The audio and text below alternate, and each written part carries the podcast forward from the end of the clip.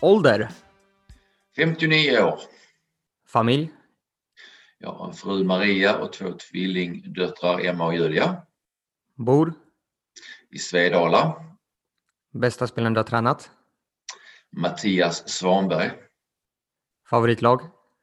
Malmö FF. Förebild? Tom Prahl som eh, fotbollstränare har jag haft mycket kontakt med och förebild. Naturgräs eller konstgräs? Naturgräs. Kostym eller träningsoverall på match? Träningsoverall. Vad gör du på matchdag? Laddar och är inne tidigt på eh, kansliet om det är hemmamatch och är faktiskt även på bortamatch och, och laddar och förbereder. Favoritsyssla utanför fotbollen? Jag vandrar ganska mycket i skogen och sen så umgås jag med min familj.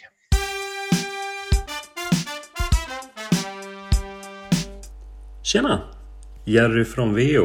Eh, Veo är den portabla AI-kameran som över 400 klubbar i Sverige redan använder. Nu har ni som lyssnar av eh, Möt fotbollstränare också chansen att vinna en VO i ungefär en halv säsong, tre månader. Eh, så gå in på veo.co fotboll så har du också chansen att skaffa dig en VO. Jag tar det igen. veo.co stavas veo.co snedstreck fotboll. Eh, där har du chansen att vinna en VO. Lycka till! önskar vi på VO och eh, Daniel. Fortsätt eh, det bra arbetet med Möt fotbollstränarna. Vi uppskattar det enormt.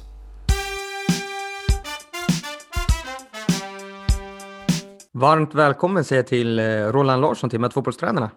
Tack så mycket, tack. Hur är läget med dig idag? Det är, det är bra. Det är ju speciella tider naturligtvis men vi får göra det bästa av det och ja, det känns som att vi är igång bra med fotbollen här. Hur är vädret nere i Malmö? I Örebro är det strålande sol, 10 plusgrader, riktiga vårkänslor. Mm, vi har haft ett par dagar här också som varit jättebra och idag är det väl en upp, mellan 8 10 grader, eh, lite mer vind idag men eh, absolut vårkänslor. Hur har försäsongen sett ut för er i MFFs P19 hittills med tanke på corona, man får inte spela matcher och så vidare. Hur har ni hanterat den situationen? Nej, men vi har ju fått anpassa oss till de, de restriktioner och riktlinjer som gäller här nere i Region Skåne och, och framförallt också med lite tillägg från Skånes fotbollförbund. Då. Så att vi, vi har försökt att och, eh, och, träna i smågrupper. Uh, nu har det blivit lite lättat på det också men, men ja, vi, vi kom väl igång Eh, hyfsat ändå tycker jag här. Ehm, vi har en stor skillnad med att vi inte har någon eh, fotbollsgymnasie på morgnarna så att vi, vi är ju kort ett par pass där som hade känts bra att också ha men alltså alla förstår ju eh, situationen här så att det, det är inga konstigheter med det. Men vi gör, gör det bästa av det på våra eftermiddagsträningar så att vi, vi är bra igång tycker jag. Hur skulle du summera förra året som var väldigt märkligt och speciellt med corona som, ja men allt som hände med att man visste inte när serien skulle börja och ni kunde inte spela klart avslutspelet och hur skulle du summera allt som hände? Ja, det var ju som sa en väldigt, väldigt speciell situation. Och eh, det var en oerhört lång försäsong om man får använda det uttrycket. Så, Men, men samtidigt återigen, alla förstår ju liksom varför det blir så, så att man får anpassa sig och, och, och vi väntar ju in den här seriestarten och, och, och så, så att vi, eh, när den väl kom så, så kändes det som eh, alla blev lyckliga igen och, och, och, kunde spela de här matcherna och det blev en enkel serie. Men visst, visst var det lång tid innan där som, som killarna och, och, och vi och hela fotbollssverige gick och väntade på att få komma igång och så. Men återigen, det, det var liksom det är en stor förståelse hos, hos alla inblandade. Alltså föräldrar, spelare och arrangörer, att, allting att vi, vi tar det som det kommer och vi, det finns ju andra saker som är viktiga i, i det här läget. Men, men eh, vi, eh, vi hade kommit igång bra där tills när man bröt eh, P19-serien så att det kändes ju sådär.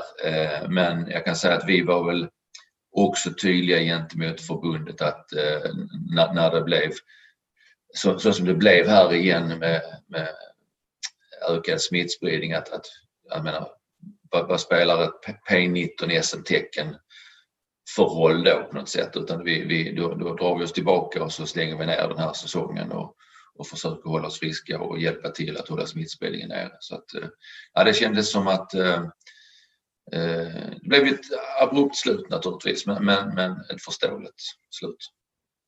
Som tränare, hur skulle du säga att det har påverkat eh, ditt arbete under året som varit med alla restriktioner, ovisshet och så vidare? Skulle du säga att du har utvecklats inom några områden som du kanske inte har stött på tidigare under din tränarkarriär?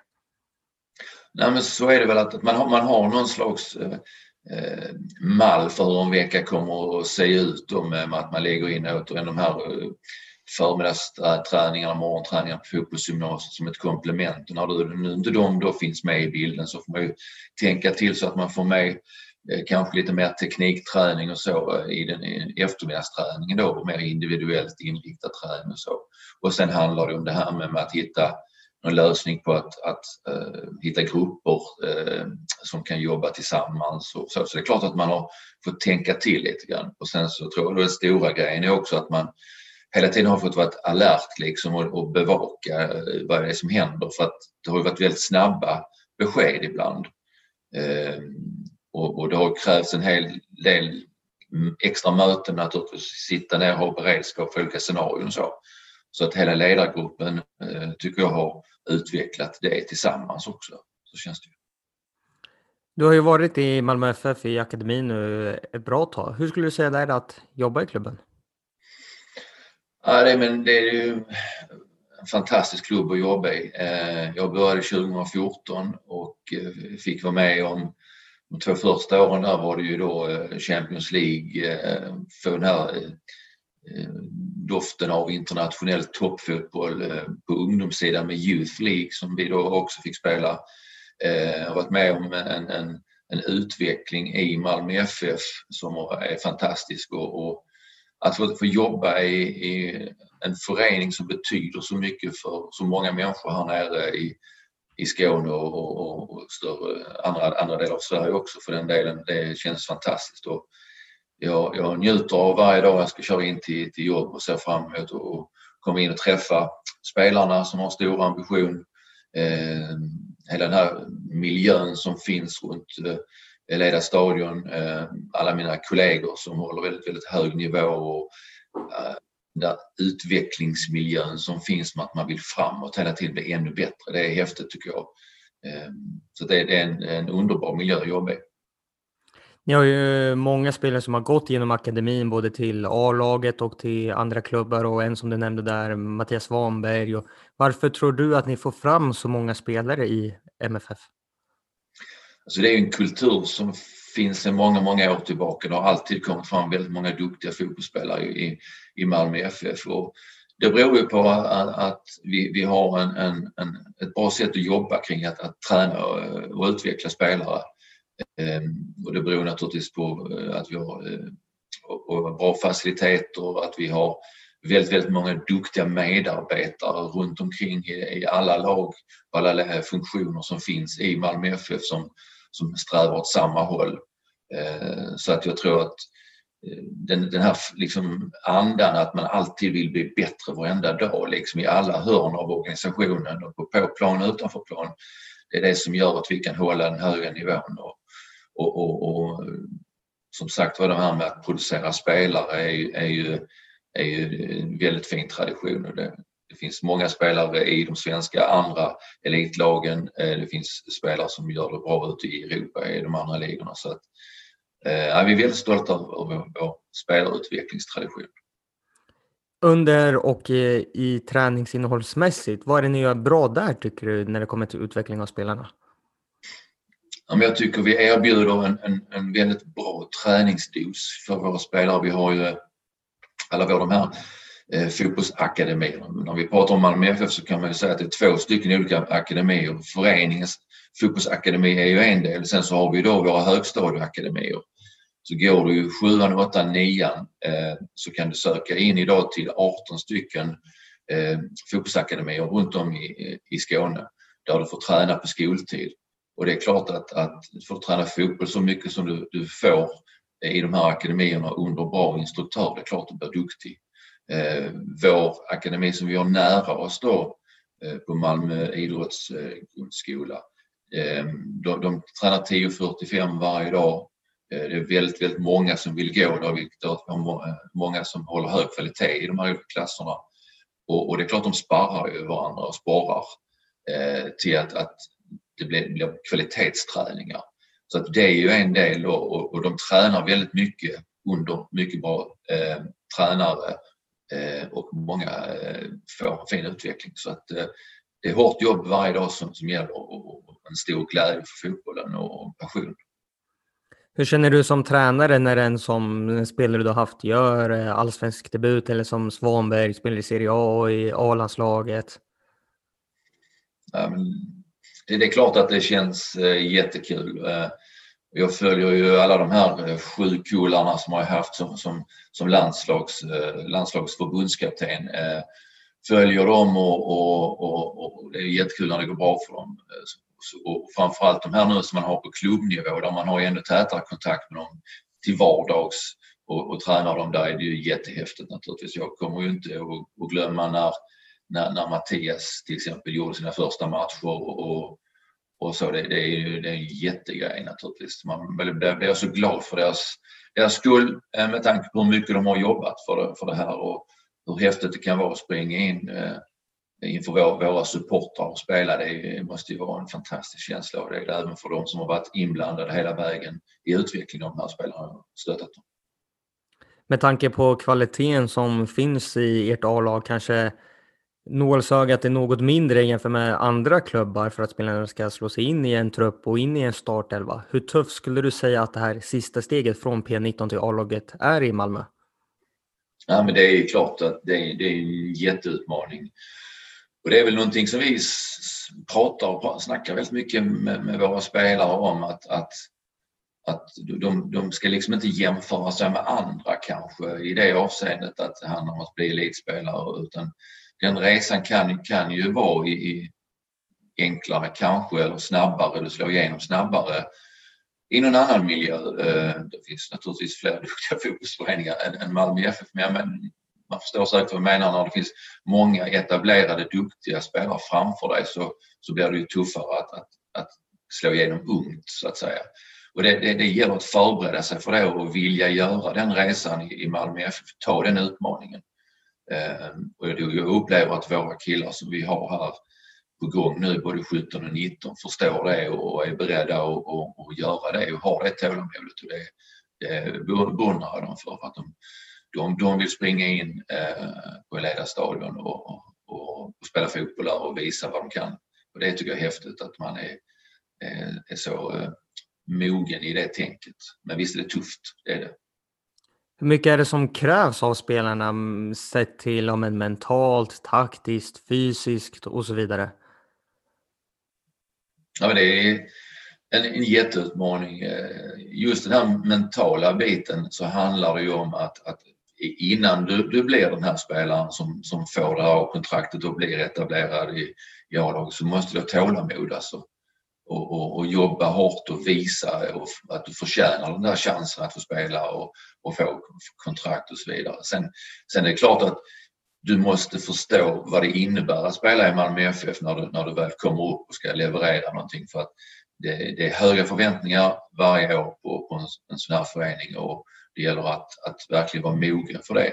Och det är väl också någonting som vi försöker jobba med under de här åren i 17 och 19 och även i, i de yngre eh, åldrarna för den delen med att, att, att förbereda dem till exempel för internationella matcher. Vi är ute och spelar väldigt mycket turneringar för att känna på rätt så tuffa tag utomlands med, med, när vi möter väldigt, väldigt duktiga lag och det är klart att det gör också att man, man blir lite mer hårdhudad och, och, och får bra erfarenheter att kunna använda sen den dagen det, det liksom blåser till riktigt och, och man får den där chansen. U21-serien blev ju inställd 2020. Har det försvårat för spelarna på något sätt med att man inte får matcher mot andra seniorspelare på samma sätt om man spelar i P19? Ja, det, så, så, så är det ju. Och, eh, det var ju olyckligt att, att, att det blev så, men jag förstår ju naturligtvis det. Eh, det är också så att vi, vi hade ju tänkt att vara med med 19-årslaget i eh, senior-DM i, i Skåne och den, den, den, fick vi också ställa in ju. Den, den hade vi bra erfarenhet av förra året igen då. Det tidigare året för att då gick vi faktiskt och vann eh, senior-DM. Och, och de matcherna där kände jag att det gav våra eh, P19-spelare en, en, en, jättebra erfarenhet för att det är ju lite annorlunda på seniornivå naturligtvis. Så det hade vi gärna gjort 2020 också. Men, men samtidigt är det så här att, att eh, omständigheterna gör det. Vi har fått eh, istället eh, som i fjol haft väldigt många spelare upp och tränat med vår, A-trupp från P19 vilket har kompenserat det tycker jag. Det har varit en väldigt eh, stort intresse från A-truppen på våra unga spelare så att de har fått eh, en, en bra skolning när det gäller seniorfotboll i det avseendet istället tycker jag. Hur har samarbetet med A-laget fungerat i år med Jon Dahl Tomasson och hans ledarteam just det här länken mellan er? Fungerat jättebra måste jag säga. Det är, det är en fröjd att få, få jobba med en, en A-tränargrupp som den vi har nu och, och med och sportchefen Daniel Andersson i täten där det finns hela tiden ett, som jag nämnde, ett stort intresse för våra spelare. Man är nyfiken på dem, man har en ambition att titta på så många som möjligt. Eh, de är och tittar på träningar, de är och tittar på våra matcher vi har haft möjlighet att spela. Eh, de är, de är väldigt, väldigt intresserade. De vill ha möten och prata om spelare så att vi känner att vi har fått en, en, en väldigt, väldigt bra fungerande verksamhet där och jag tror det är därför som, som också eh, våra killar, de känner ju det. De känner ju naturligtvis att de får uppmärksamhet och därför så blir det lite extra spännande naturligtvis att göra bra från sig och, och träna lite extra och, och ta den där chansen. Vi har fått upp en hel del spelare till denna säsongen eh, och det tror jag är mycket att Jon och hans stab har tittat väldigt mycket och när de väl har kunnat ta det här beslutet om vilka som ska få ett, ett kontrakt så har de haft bra koll på kvaliteterna. Det, det känns jättebra det samarbetet, det är klockrent. Hur viktigt är just det här samarbetet mellan P19 och A-laget för att slösa upp spelarna och eh, att de kommer upp i A-laget till slut? Ja, det tror jag är viktigt och jag tror också det är viktigt att det finns en bra attityd hos spelarna i A-laget och där, där kan jag bara eh, ösa beröm också över många av de här etablerade spelarna och duktiga spelare som finns i vår A-trupp som har tagit hand om, om eh, våra killar på varje träning och varje träningsmatch. De har varit med och verkligen sett till att de ska trivas och må bra och, och känna att det är en bra utvecklingsmiljö hela vägen upp. Så det är jätteviktigt att, att eh, man känner att man är uppe för att bidra och utvecklas, inte bara att delta och fylla ut någonstans. Så det vill jag absolut påstå att våra spelare har, har haft en funktion i de här träningarna och matcherna. Och både ledarna och, och, och spelarna i A-truppen har tagit emot dem på ett fantastiskt sätt. Och det tror jag är jätteviktigt för att de ska må bra och, och våga. Din tränarkollega från förra året, Jeff Åben, har ju nu tagit steget upp till eh, A-laget som assisterande. Hur var det att jobba med honom? Jättekul. Eh, Jeff och jag funkade perfekt ihop.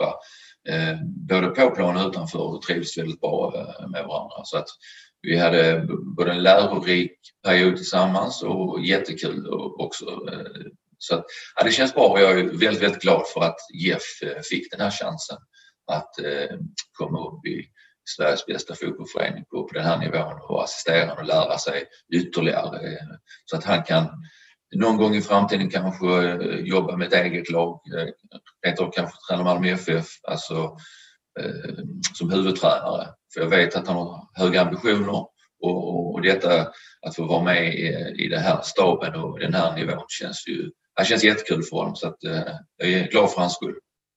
Tror du att det kommer förenkla steget mellan eh, akademin och A-laget ännu mer när han är där?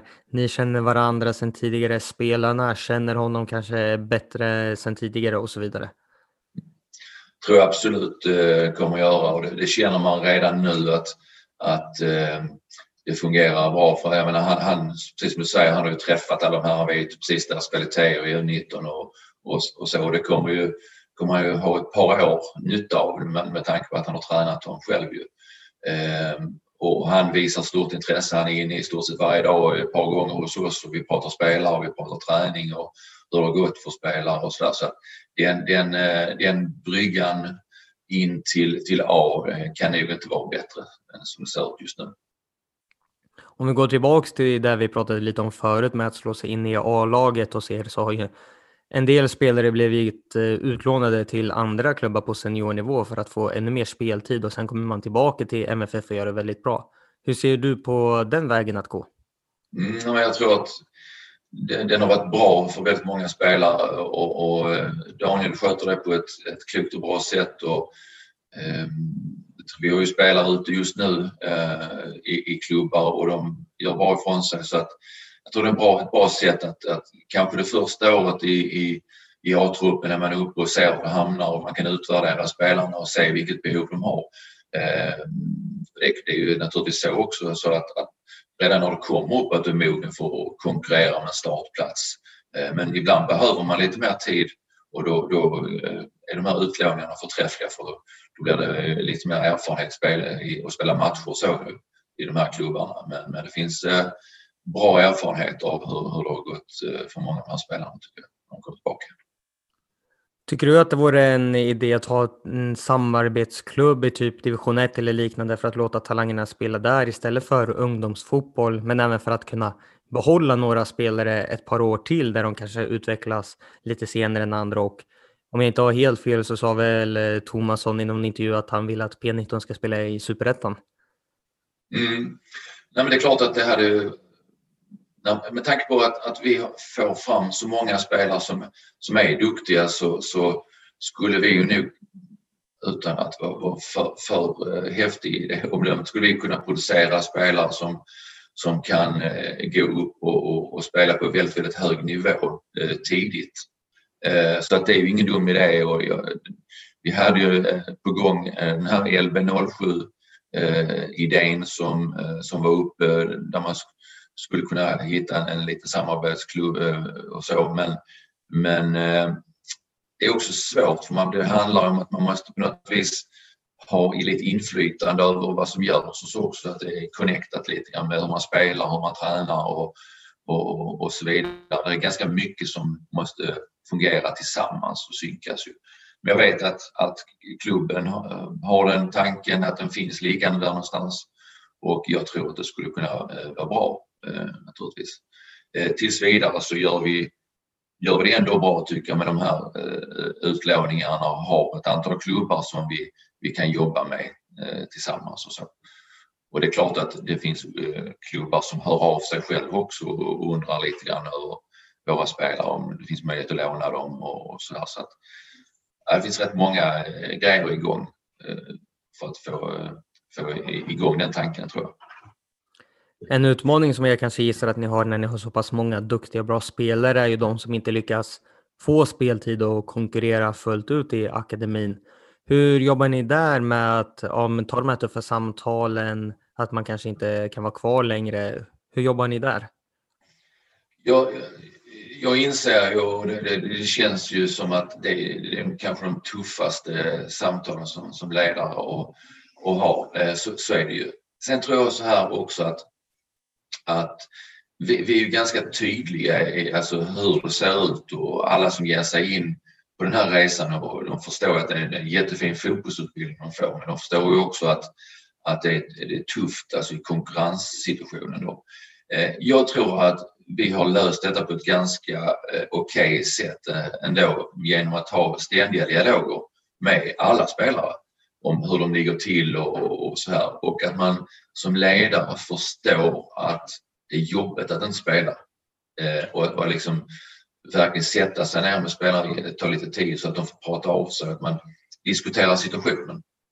Eh, så, för men gör man det och har en kontinuerlig dialog kring det här så kanske det växer fram någonstans eh, när man är ärlig mot varandra. Eh, någon, någon slags bra lösning på det till slut där, där man tycker att ja, jag, jag stannar kvar och tar, försöker och, och tar chansen eller nej, jag har kommit fram till att jag, jag måste få speltid och spela mer fotboll än här åldern jag är och då, då, då behöver jag gå någonstans. Och eh, målsättning för mig personligen och du vet de andra ledarna också av den här situationen det är att, att man ska kunna träffas i framtiden och titta varandra i ögonen och ändå ha ett bra förhållande och tycka att ja, det här var det är ju inte bra. Jag, jag, kan, jag kan ha en annan uppfattning än, än, än, än klubben har kring mina kvaliteter men vi kan ändå acceptera varandra och respektera varandra. Eh, och det tror jag genom ständig dialog och uppföljningar på hela resan med alla spelare. Om man pratar mycket med varandra så, så kanske man förstår varandra bättre. Ni har ju extremt många ungdomslandslagsspelare i akademin. Vilka fördelar och nackdelar finns det med det? Alltså, det är ju naturligtvis flest fördelar. Ehm, jag, jag, tycker det är ju en fantastisk möjlighet som eh, de här spelarna får att vara ute och spela internationell fotboll. Möta de bästa från andra länder. Det är sånt som gynnar Malmö FF också när de kommer tillbaka och, och de får, får mäta sig med, med andra sorters eh, fotbollskultur och så. Eh, på rak arm kan jag inte hitta några jättenegativa grejer eller Eh, många negativa grejer. Det, det, det är klart att vi, vi märker när det är landslagssamlingar för då är, då är det rätt många iväg. Och, och, och eh, det kanske belastning och så här att de spelar väldigt mycket matcher då. Men det är ju naturligtvis om vi ser att det är en bra att vi får inte en bra vinst av det så att säga för att de blir bättre våra spelare så får vi naturligtvis hantera det med belastning och så och vara noga med det och det är vi också. Så att vi är väldigt, väldigt glada i Malmö för, för alla de här spelarna som får ut och, och förkovra sig i internationell fotboll. Det, det gynnar oss. Hur stora trupper jobbar ni med i era högsta akademilag? Just nu är vi väl 21 eller 22 spelare i 19, eh, kanske något färre eller ungefär lika många i, i 17. Ehm, vi, vi försöker ju ibland Eh, har rätt så många spelare i, i 19 för att eh, vi, vi ska ju hjälpa till och stötta upp lite grann i, i, i U21 också. Vi vet att en del spelare kommer att spela där så att vi, det är bra om vi kan ha många spelare så att det inte blir för tuffa, eh, tuff belastning eh, så att de spelar för många matcher. Utan de ska kunna vara fräscha och, och, och kunna prestera sitt bästa när de väl kommer upp och spelar den här matchen. Hur ser ni med på rotation med spelare om ni har kanske två eh, landslagsspelare som spelar på som vänsterytter men ni spelar bara med en på matcherna. Hur jobbar ni där med att ge speltid och fördela den? Är det den som är bäst varje vecka som spelar eller hur fungerar det? Det är lite olika vilken situation det är just, just den perioden. Jag menar det, det, kan, det kan ju vara så, så att det löser sig genom att en av de här spelarna är uppe väldigt mycket i A-träning eller att de skiftas om att vara uppe i A-träning. Det finns en U21-match och det finns en 19-årsmatch. Eh, så att det, vi, vi, vi, vi har också när, när, vi, när vi gör våra trupper så försöker vi tänka en hel del på det här att det inte blir för många som står i vägen för varandra heller. Utan det finns en åldersstruktur som är intressant eh, där man kan kanske spela, den, ena av de spelarna spelar i 19 matchen och andra, den andra är så pass ung så att eh, han kan komma ner och spela sin match i 17. Så det, man kan inte säga att det finns någon direkt regel eller, eh, för det utan vi försöker ju och är väldigt uppmärksamma på det här med speltid. Och det brukar lösa sig på ett bra sätt tycker jag. Din nya kollega blir ju Max Westerberg som tränade P17 i år. Hur är er känsla inför eh, säsongen som kommer och som ni har påbörjat? Jag tycker vi har kommit igång bra. Eh, jag känner ju Max sen, sen eh, länge tillbaka. Han har varit i 17 eh, innan så att det, kom, det känns jättebra det samarbetet.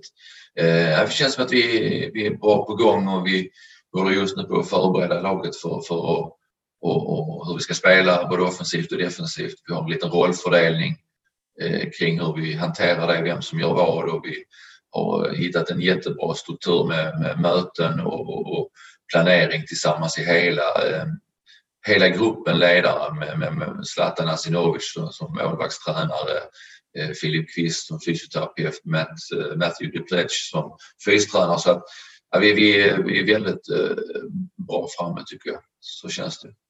Hur ser rollfördelningen ut mellan eh, dig och Max?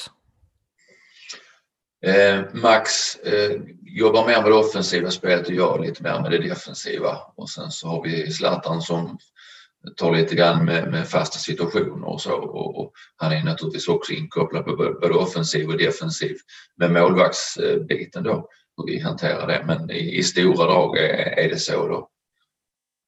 Under själva träningen när ni coachar, på vilket sätt jobbar ni med den individuella coachningen mot eh, specifika spelare och individerna?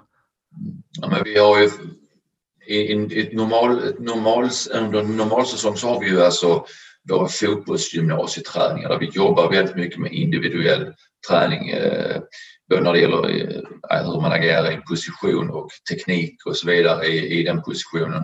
Så där eh, jobbar vi väldigt eh, mycket med just den delen. Sen när vi kommer ut på eftermiddagsträningar så, så är det så att vi har ett huvudfokus antingen offensivt eller defensivt för, för varje träningspass och då, då, och då, då jobbar ju den eh, tränare som har huvudansvar för just den aktuella delen då med, med att instruera under spelets gång eller gå in och, och, och hjälpa till och stötta under, under träningen eh, eller vid, vid pauser och sådär.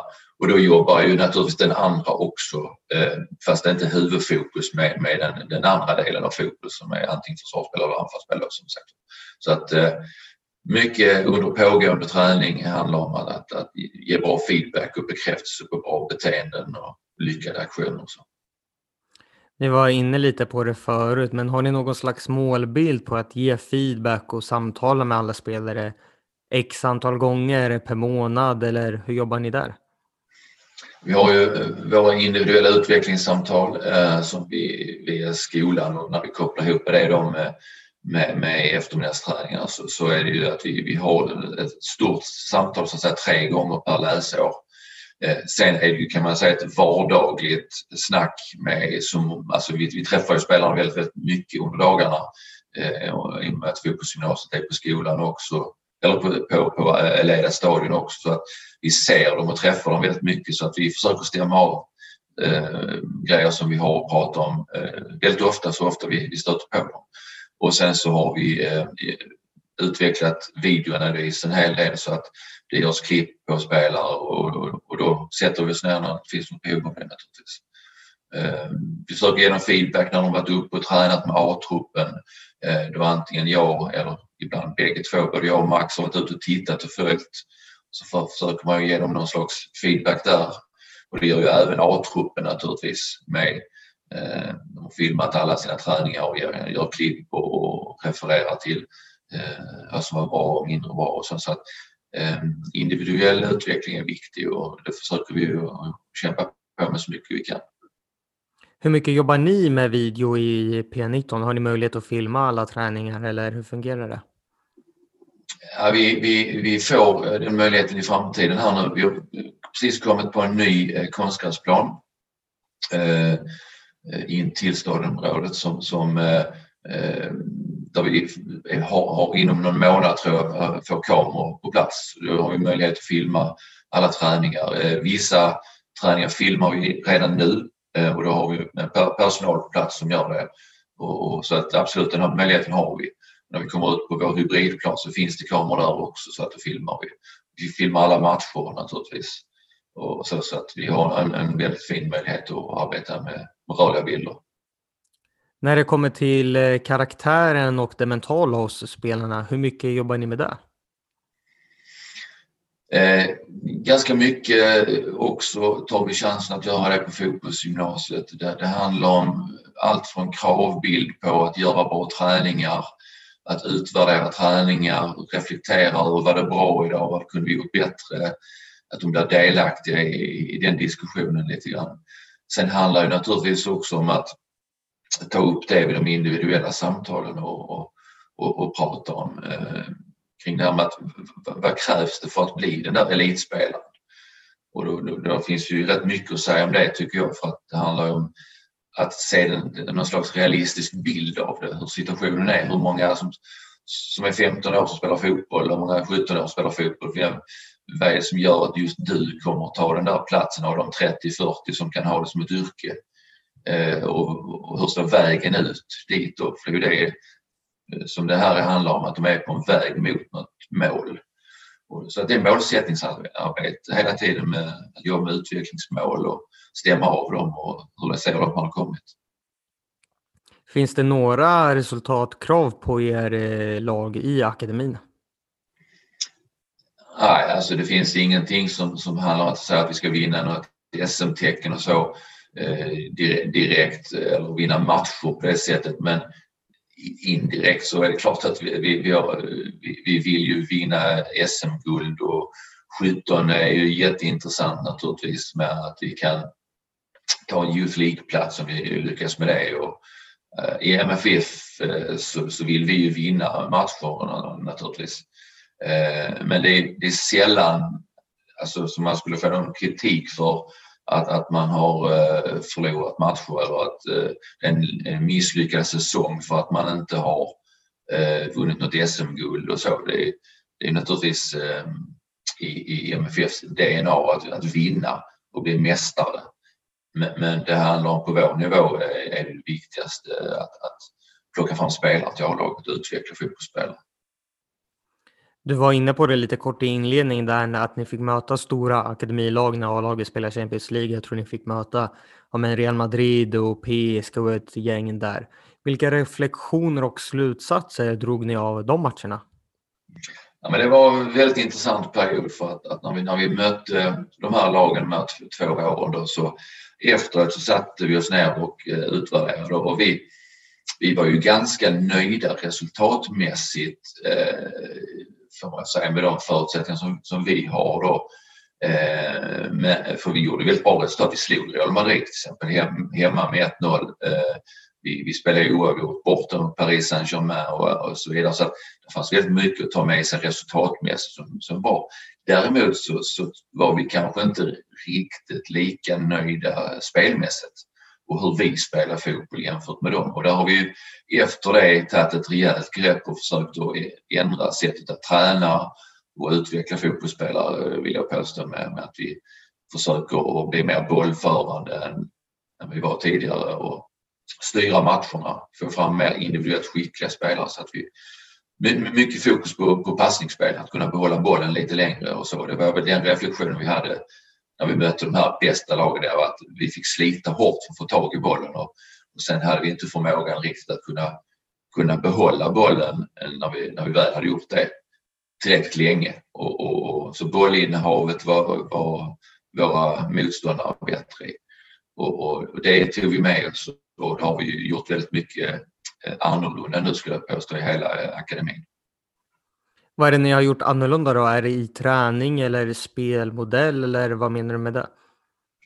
Eh, jag skulle vilja säga att vi har, vi har i, i båda där, i allting har vi försökt att, att, lägga upp ett sätt att träna fotboll på som där vi vågar ta lite mer risker till exempel. Att spela mer fotboll och, och, och passa bollen hela vägen upp i våra ungdomslag. Eh, vara mer kreativa, konstruktiva Eh, spela fotboll och inte sparka fotboll, man får använda det uttrycket så man förstår vad, vad, vad vi menar. Utan det var rädd om bollen, eh, att vi får fram dribblers, att vi får fram spelare som, som vågar göra det extra, som vågar misslyckas och försöka igen. Eh, en hel del träningstips eh, som vi, vi ger våra tränare kring hur de ska eh, agera vid träningar, Eh, när de spelar matcher, hur det ska gå till och så. Eh, till, till exempel, eh, för att vara konkret, så försöker vi ju hela tiden köra insparkar från målvakt ut till backlinjespelare som försöker spela hela vägen nerifrån. Och det är klart att, att där går man ju på en del smällar i, i början. Men, men det gäller att vara ihärdig hela tiden och ha tålamod. För någon gång så kommer det att resultera att vi får fram väldigt spelskickliga fotbollsspelare som vågar hålla i bollen och ta lite risker. Det är ju dit vi vill komma. Eh, och om ska vi nå de här bra akademierna runt om i, i Europa som Paris Saint-Germain till exempel som vi som möter som har ett helt annat bollinnehav måste vi också lära oss hantera bollen och, och våga ha den eh, och jobba med spelbarhet och, och, och så vidare. Så att Eh, det finns väldigt, väldigt mycket bra eh, på gång nu i MFF. Jag tror att frukten av detta kommer vi ju se framöver här när, när vi får fram väldigt många skickliga, individuellt skickliga spelare som är kreativa och konstruktiva och försöker hela tiden. Det, det blir häftigt att se tror jag. Du har jobbat på förbundet tidigare under många år och som ungdomsförbundskapten. Hur var den perioden? Det var en fantastisk period naturligtvis. Eh, jag kom ju från Trelleborgs FF som tipslitränare eh, och började på förbundet 98. Sen hade jag 16 år där som var väldigt, väldigt lärorika och positiva. Jag fick vara med om väldigt, väldigt mycket, sju olika ålderskullar som jag fick erfarenhet med. Fick vara med på massor av studieresor ute i Europa där vi var och tittade på hur andra fotbollsländer jobbar med sina, sin ungdomsfotboll, spelutveckling. Och det är klart att det har gett mig eh, väldigt, väldigt många erfarenheter. Och sen inte minst tycker jag att man har fått jobba med alla de här fantastiska kollegorna på, som ligger på väldigt, väldigt, väldigt hög nivå. Eh, och, och lärt sig massor av dem eh, också naturligtvis. Så att, eh, det har varit häftigt. Eh, väldigt, väldigt trevligt. 96-kullen tror jag många minns när ni vann eh, VM-brons med bland annat Carl Strandberg, Gustav Engvall och Erdal Rakip. Hur minns du tillbaka på det mästerskapet? Ja, med stor glädje och, och naturligtvis eh, mycket, jag är mycket nöjd över, över den prestationen. Och det, det är sånt som, som inte händer så ofta ju naturligtvis. Så, så är det ju. Det, det, det är ju det är få förunnat att få vara med om det och jag, apropå Erdal, alltså, det klipp så, så är det så att det påminner om, man säger varje dag man ser honom på anläggningen så känner man ju att just det, det var, han var där och sådär. Så att, det, det, är ju, det är ju väldigt, väldigt bra och det, just den prestationen som varar över så, ganska så lång tid med 96 är, är ju unik.